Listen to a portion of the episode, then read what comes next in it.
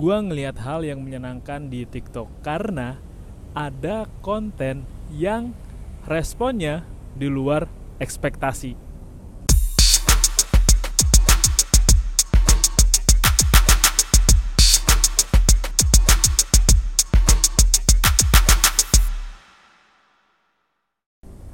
Aduh, sebenarnya sayang banget sih. Ini kontennya udah dihapus karena tadi gue mau lihat lagi kan komen-komennya. Karena tuh emang komenannya semenyenangkan itu untuk ditonton. Karena lu bisa lihat banyak orang yang ngebagiin kebahagiaannya, ngebagiin sudut pandangnya yang baru. Ada yang ngebagiin ya, ya udah nggak apa-apa. Toh emang kenapa mesti disesalin ya? jadi kontennya itu ngebahas harusnya karena gue liat kan yang komen ada 400 sekian. Harusnya yang nge-view banyak dong. Ya udahlah tuh gue simpen kok. Masih ada screenshot komenan terbaiknya. Disimpan terus gue melihat lagi udah hilang. Isinya tuh ngebahas tentang gimana kemarin kalian yang berusaha untuk kerja sesuai idealis kalian. Gimana keadaannya sekarang? Kurang lebih gitulah nanyain gimana lu lu yang kemarin berusaha berjuang banget nih. Jadi idealis pengennya kerja A pengennya jadi B. Terus lu gimana keadaannya sekarang? Respon komennya bagus bagus banget. Ada yang komen gue nggak nyesel kok bang. Gue habis resign dari tempat kerja yang emang gak sesuai yang gue pingin. Sekarang gue bisa mengeksplorasi diri gue lebih sekarang gue bisa belajar hal baru dan gue menemukan koneksi baru. Respon lainnya juga sama. Kalau gue lihat-lihat ya 9 di atas 95% itu positif seneng kayak ya gue seneng bang. Akhirnya gue beraniin setelah sekian lama gue kerja nggak bahagia ya udahlah sekarang gue nyari sampai dapet biar nyarinya dapet gue tambahin deh skill gue tapi ada satu komenan yang bikin gue aduh ini yang gue screenshot sih. Gue bisa lihat nggak ya komennya? Harusnya bisa lah ya. Bentar gue bacain komennya. Hmm, nih komennya bagus banget saya tidak akan pernah menyesal dengan apa yang saya pilih selama ibu saya tersenyum menikmati saya menjadi pribadi yang baik memiliki akal dan Tuhan.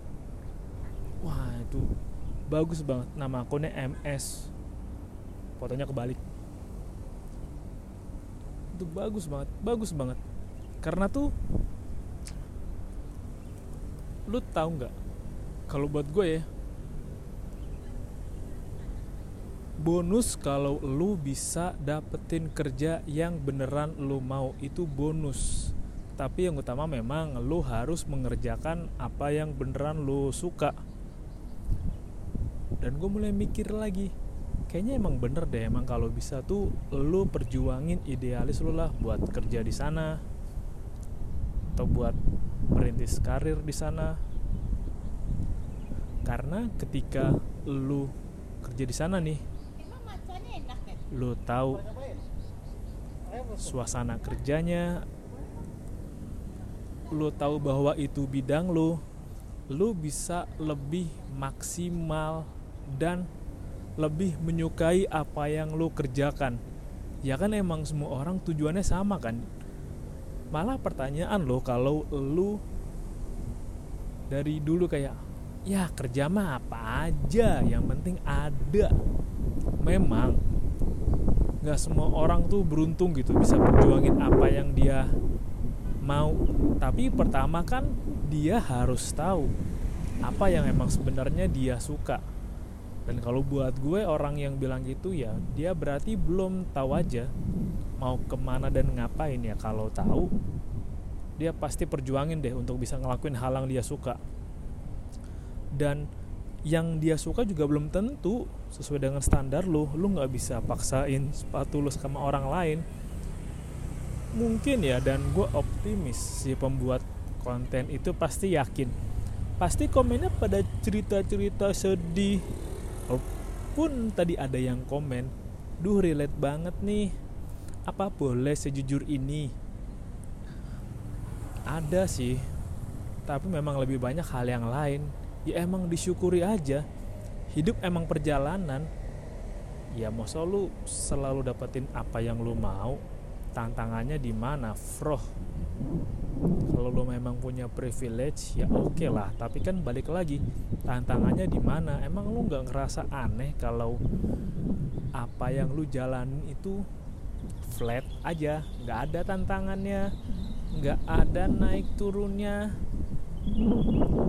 nggak ada saat di mana lo mesti berjuang berjuang yang bener-bener berjuang dan lu seneng ngelakuinnya.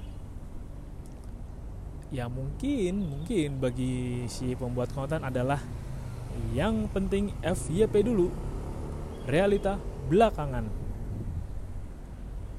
Banyak emang yang mengutamakan viral dulu walau emang viral tuh bukan tujuan tapi ya dampak. Dampak aja kalau lu bikin sesuatu yang bagus sesuatu yang beneran lu suka dan berpapasan dengan relate ke banyak orang ya bagus aja.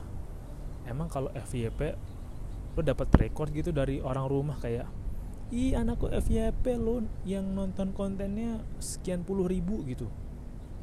Uh, terus setelah itu ya kalau yang nonton banyak kan lo bisa beli viewers beli like.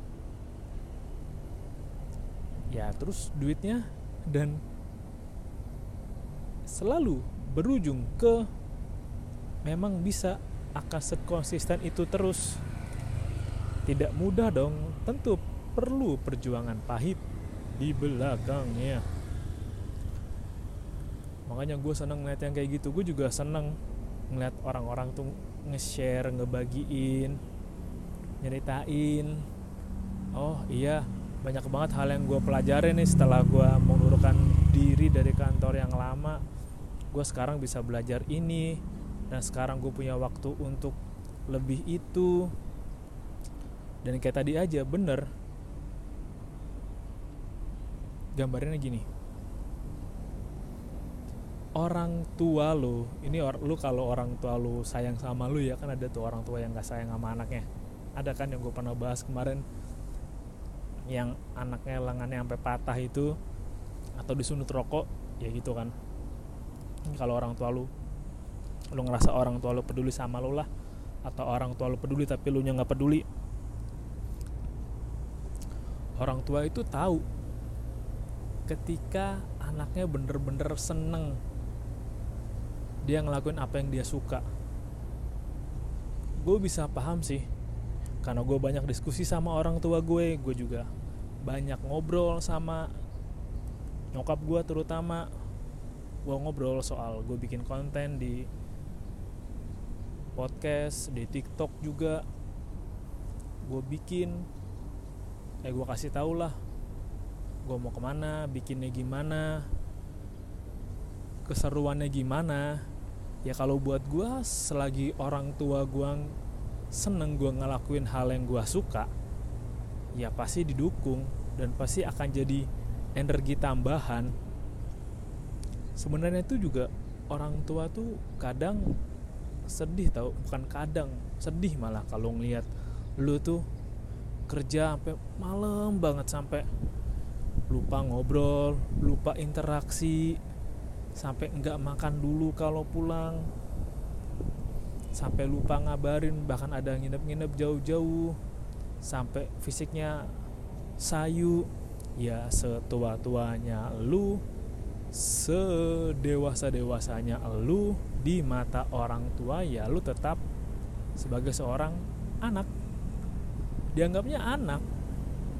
Ya kalau masih ABG SMP SMA mungkin malu lah kalau ada orang tua yang bersikap berlebihan ke kita kayak uh, bekal dibawain gitu atau baju disiapin. Atau misalkan ya bensin motor diisiin atau ambil rapot gitu maunya digandeng. Ya masih bocah lah belum ngerti lah. Mungkin malu sama teman-teman ya teman-temannya ngeledekin ya teman-teman yang ngeledekin itu mah teman-teman yang kagak akrab sama orang tuanya. Yang ketemunya weekend doang anjing. Udah ketemu weekend doang. Kalau ngobrol kaku bahas politik diskusi sulit. Ya sulit itu sulit. Sulit tau. Gue sih gak mau gak mau banget gue kalau gue nggak deket sama keluarga gue gue nggak ada waktu yang banyak gitu. Gak bisa menyediakan diri karena nanti ini akan nyambung juga kalau lo mau beda topik ini akan nyambung ke fatherless peran kedekatan orang tua peran bagaimana ayah dan ibu membentuk sikap ke anak. Kan ada irisan tapi nah, nanti mungkin lah kita bahas ke tema yang lain. Tapi memang orang tua tuh ya perhatiin anaknya aja pasti perhatiin lah. Misalkan dari kerja kok kerja sekarang tambah hitam kantong matanya. Kok tambah gendut nggak sehat? Kok makan junk food melulu? Kok ini tasnya buluk kok bajunya nggak pernah ganti? Ya pasti tuh orang tua merhatiin lah. Kalau buat yang ngekos kalau ngekos gimana? Ya orang tua juga perhatiin secara nggak langsung ada ikatan batin. Lo tahu ikatan batin nggak? Ikatan yang nggak kelihatan satu sama lain tapi itu ada. Contoh lu tiba-tiba ngerasa resah dan pengen pulang gitu tanpa hal yang jelas ternyata orang tua lo lagi sakit atau lagi demam. Atau contoh deh kalau lu punya anak anak lu katakan masih di bawah lima tahun lah. Lu lagi kerja gitu terus perasaan lu nggak tenang gelisah. Tiba-tiba lu diberi kabar iya anaknya demam nih. Demam tiba-tiba kayaknya tuh kangen sama orang tuanya deh. Kangen untuk nikmatin waktu bersama. Kangen keberadaan orang tuanya. Itu tuh ikatan batin. Ikatan yang ngasih tahu lu itu juga terhubung dengan orang lain. Lu bukan sendirian. Ya kecuali lu di download dari batu. Eh di download dari batu. Di download dari internet atau lagi ada batu terus ada abang-abang mecahin batu tiba-tiba ada lu di dalamnya. Itu lain cerita baru. Tapi kalau mau lompat lagi emang sih bangsatnya adalah orang itu sengaja bikin konten yang dipaksain relate dengan kehidupan orang lain. Ya menurut gue juga nggak relate relate banget. Ya yang penting FYP dulu bos. Yang penting viewnya rame dulu bos. Yang penting yang komen ih aku juga nih aku banget nih. Gitu bos. Atau ya banyak konten yang berusaha menebar simpati simpati menarik simpati dan rasa ingin diperhatikan. Kayak kemarin gue juga pernah bahas lumayan lama sih ada yang pamer kan. Uh suami aku tahan banget aku KDRT anjay. Seberapa tahan? Eh seberapa tahan? Suamiku aku siksa DLL pamer nyari simpati tidak dihujat dong tentunya dong. Memang anda kira bahwa uh suami yang sabar. Pasti anda berharap dapat komen. Uh suami yang sabar. Uh suami yang pengertian. Uh suami yang imam banget nih. Kriteria imam idaman. Tidak dong dihujat dong. Kenapa lakinya masih betah? Hei wanita. Kenapa anda tega sekali mengkdrt suami anda yang penting FYP dulu bos. Kalau nggak FYP nggak hidup ya kan? Ya emang ada aja orang yang prestasi hidupnya sebatas nyari FYP aja. Ada sih yang penting modal FYP dulu. Masalah moral masalah akal sehat. Belakangan deh yang penting yang nonton konten gue banyak. Ya nonton aja. Paling nonton 2 detik geser. Nonton 2 detik geser. Ya paling lama 4 detik terus geser lah apaan aja anjing? Atau ada yang klik report tiba-tiba? Malesin tau. Malesin. Mohon maaf kalau anginnya kedengaran kenceng. Tumben banget nih anginnya kenceng dan banyak kendaraan lalu lalang. Males tau. Respon kontennya nggak diharapin. Begitu juga dengan konten tentang gue justru gak, gue takut bilang ini nggak takut sih. Hmm, soal karir. Gue nggak tahu ya. Kok ada orang yang berani bikin konten kayak langsung nyebut aja gitu? Iya saya iya. Kenalkan gue ini. Gue resign dari kantor karena kantor gue toxic dan bla bla bla. Lo bisa lihat itu bla bla bla bla bla bla. Yang bikin cowok lagi. Wow.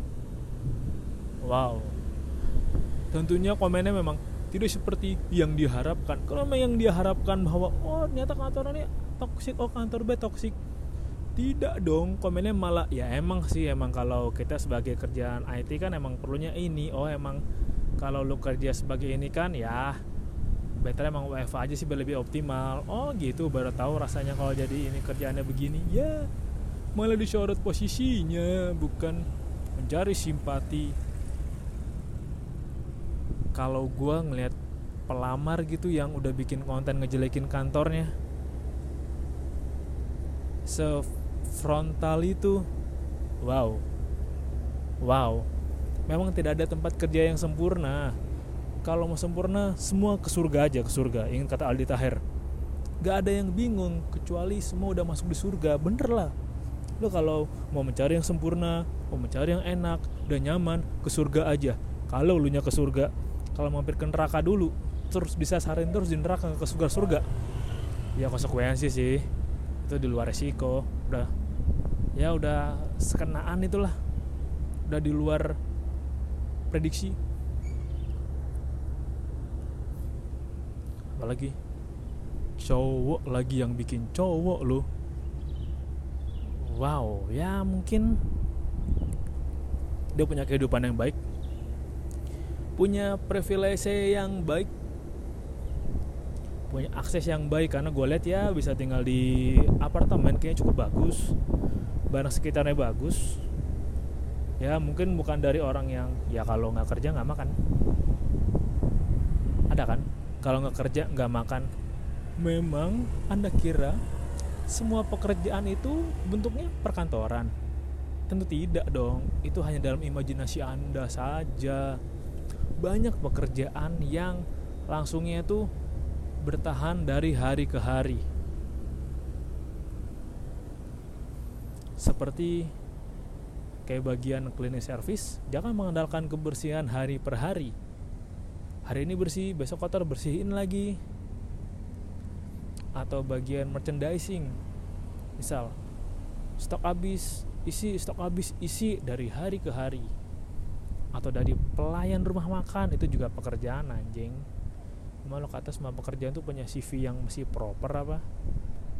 Mesti yang CV yang gue punya pengalaman yang bagus. Seperti yang bagus ya sesuai kebutuhannya.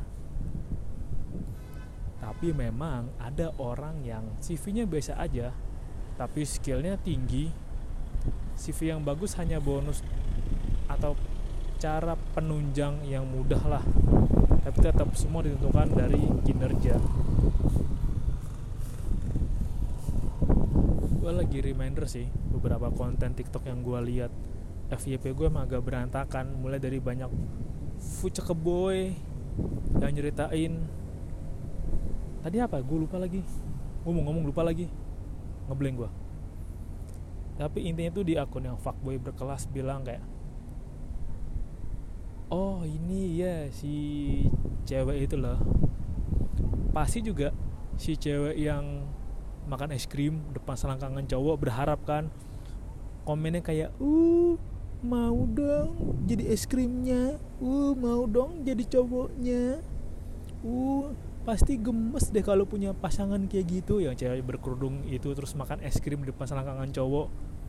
Tapi komennya tidak seperti itu dong ya dihujat apalagi kalau tidak dihujat. Apakah itu penistaan agama? Buat gua iya. Penistaan anjing tanpa malu dengan PD-nya bikin konten kayak gitu.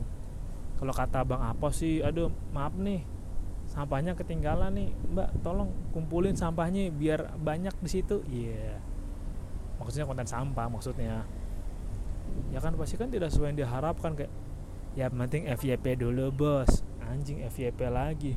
Tapi dihujat Indonesia gue sih mau ya kalau gue punya saudara kayak gitu yang bikin konten gitu terus ya sosok makan ya sosok binal-binal nanggung eh yang makan es krim tuh depan selangkangan cowok sambil nunduk gitu eh geli sih gue ngelihatnya geli geli banget gue ih mau lo cantik juga mau lo kayak apa juga anjing lah.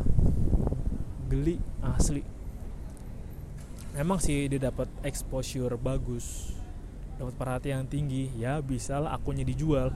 Tapi karena sudah ada muka ceweknya sudah ditandai pasti kayak L ya chip lah chip memang sih yang menjelek-jelekan mereka ya mereka sendiri bikin malu emang tentunya juga komennya tidak diharapkan atau tidak sesuai ekspektasi kan? Dan lu mau gitu ikutin bikin konten yang kayak gitu. Bikin konten yang demi FYP dulu demi mencari simpati tapi ternyata malah berujung blunder ke lu. Mendingan lu bikin sesuatu yang emang lu suka aja. Ya emang viewnya nggak banyak tapi kan lu seneng. View banyak bonus. Tapi bisa bikin konten yang bagus itu emang yang mesti lu usahain terus. Lu masih mau bikin yang berusaha FYP tapi merendahkan harga diri lu merendahkan nilai lu secara personal lu mau kayak gitu. Ayo atau lu mau bikin konten yang menarik simpati orang terus? Ayo enggak lah. Lo lebih baik dari itu kok gue yakin terima kasih udah dengerin episode ini dan sampai jumpa di episode lain ya bye bye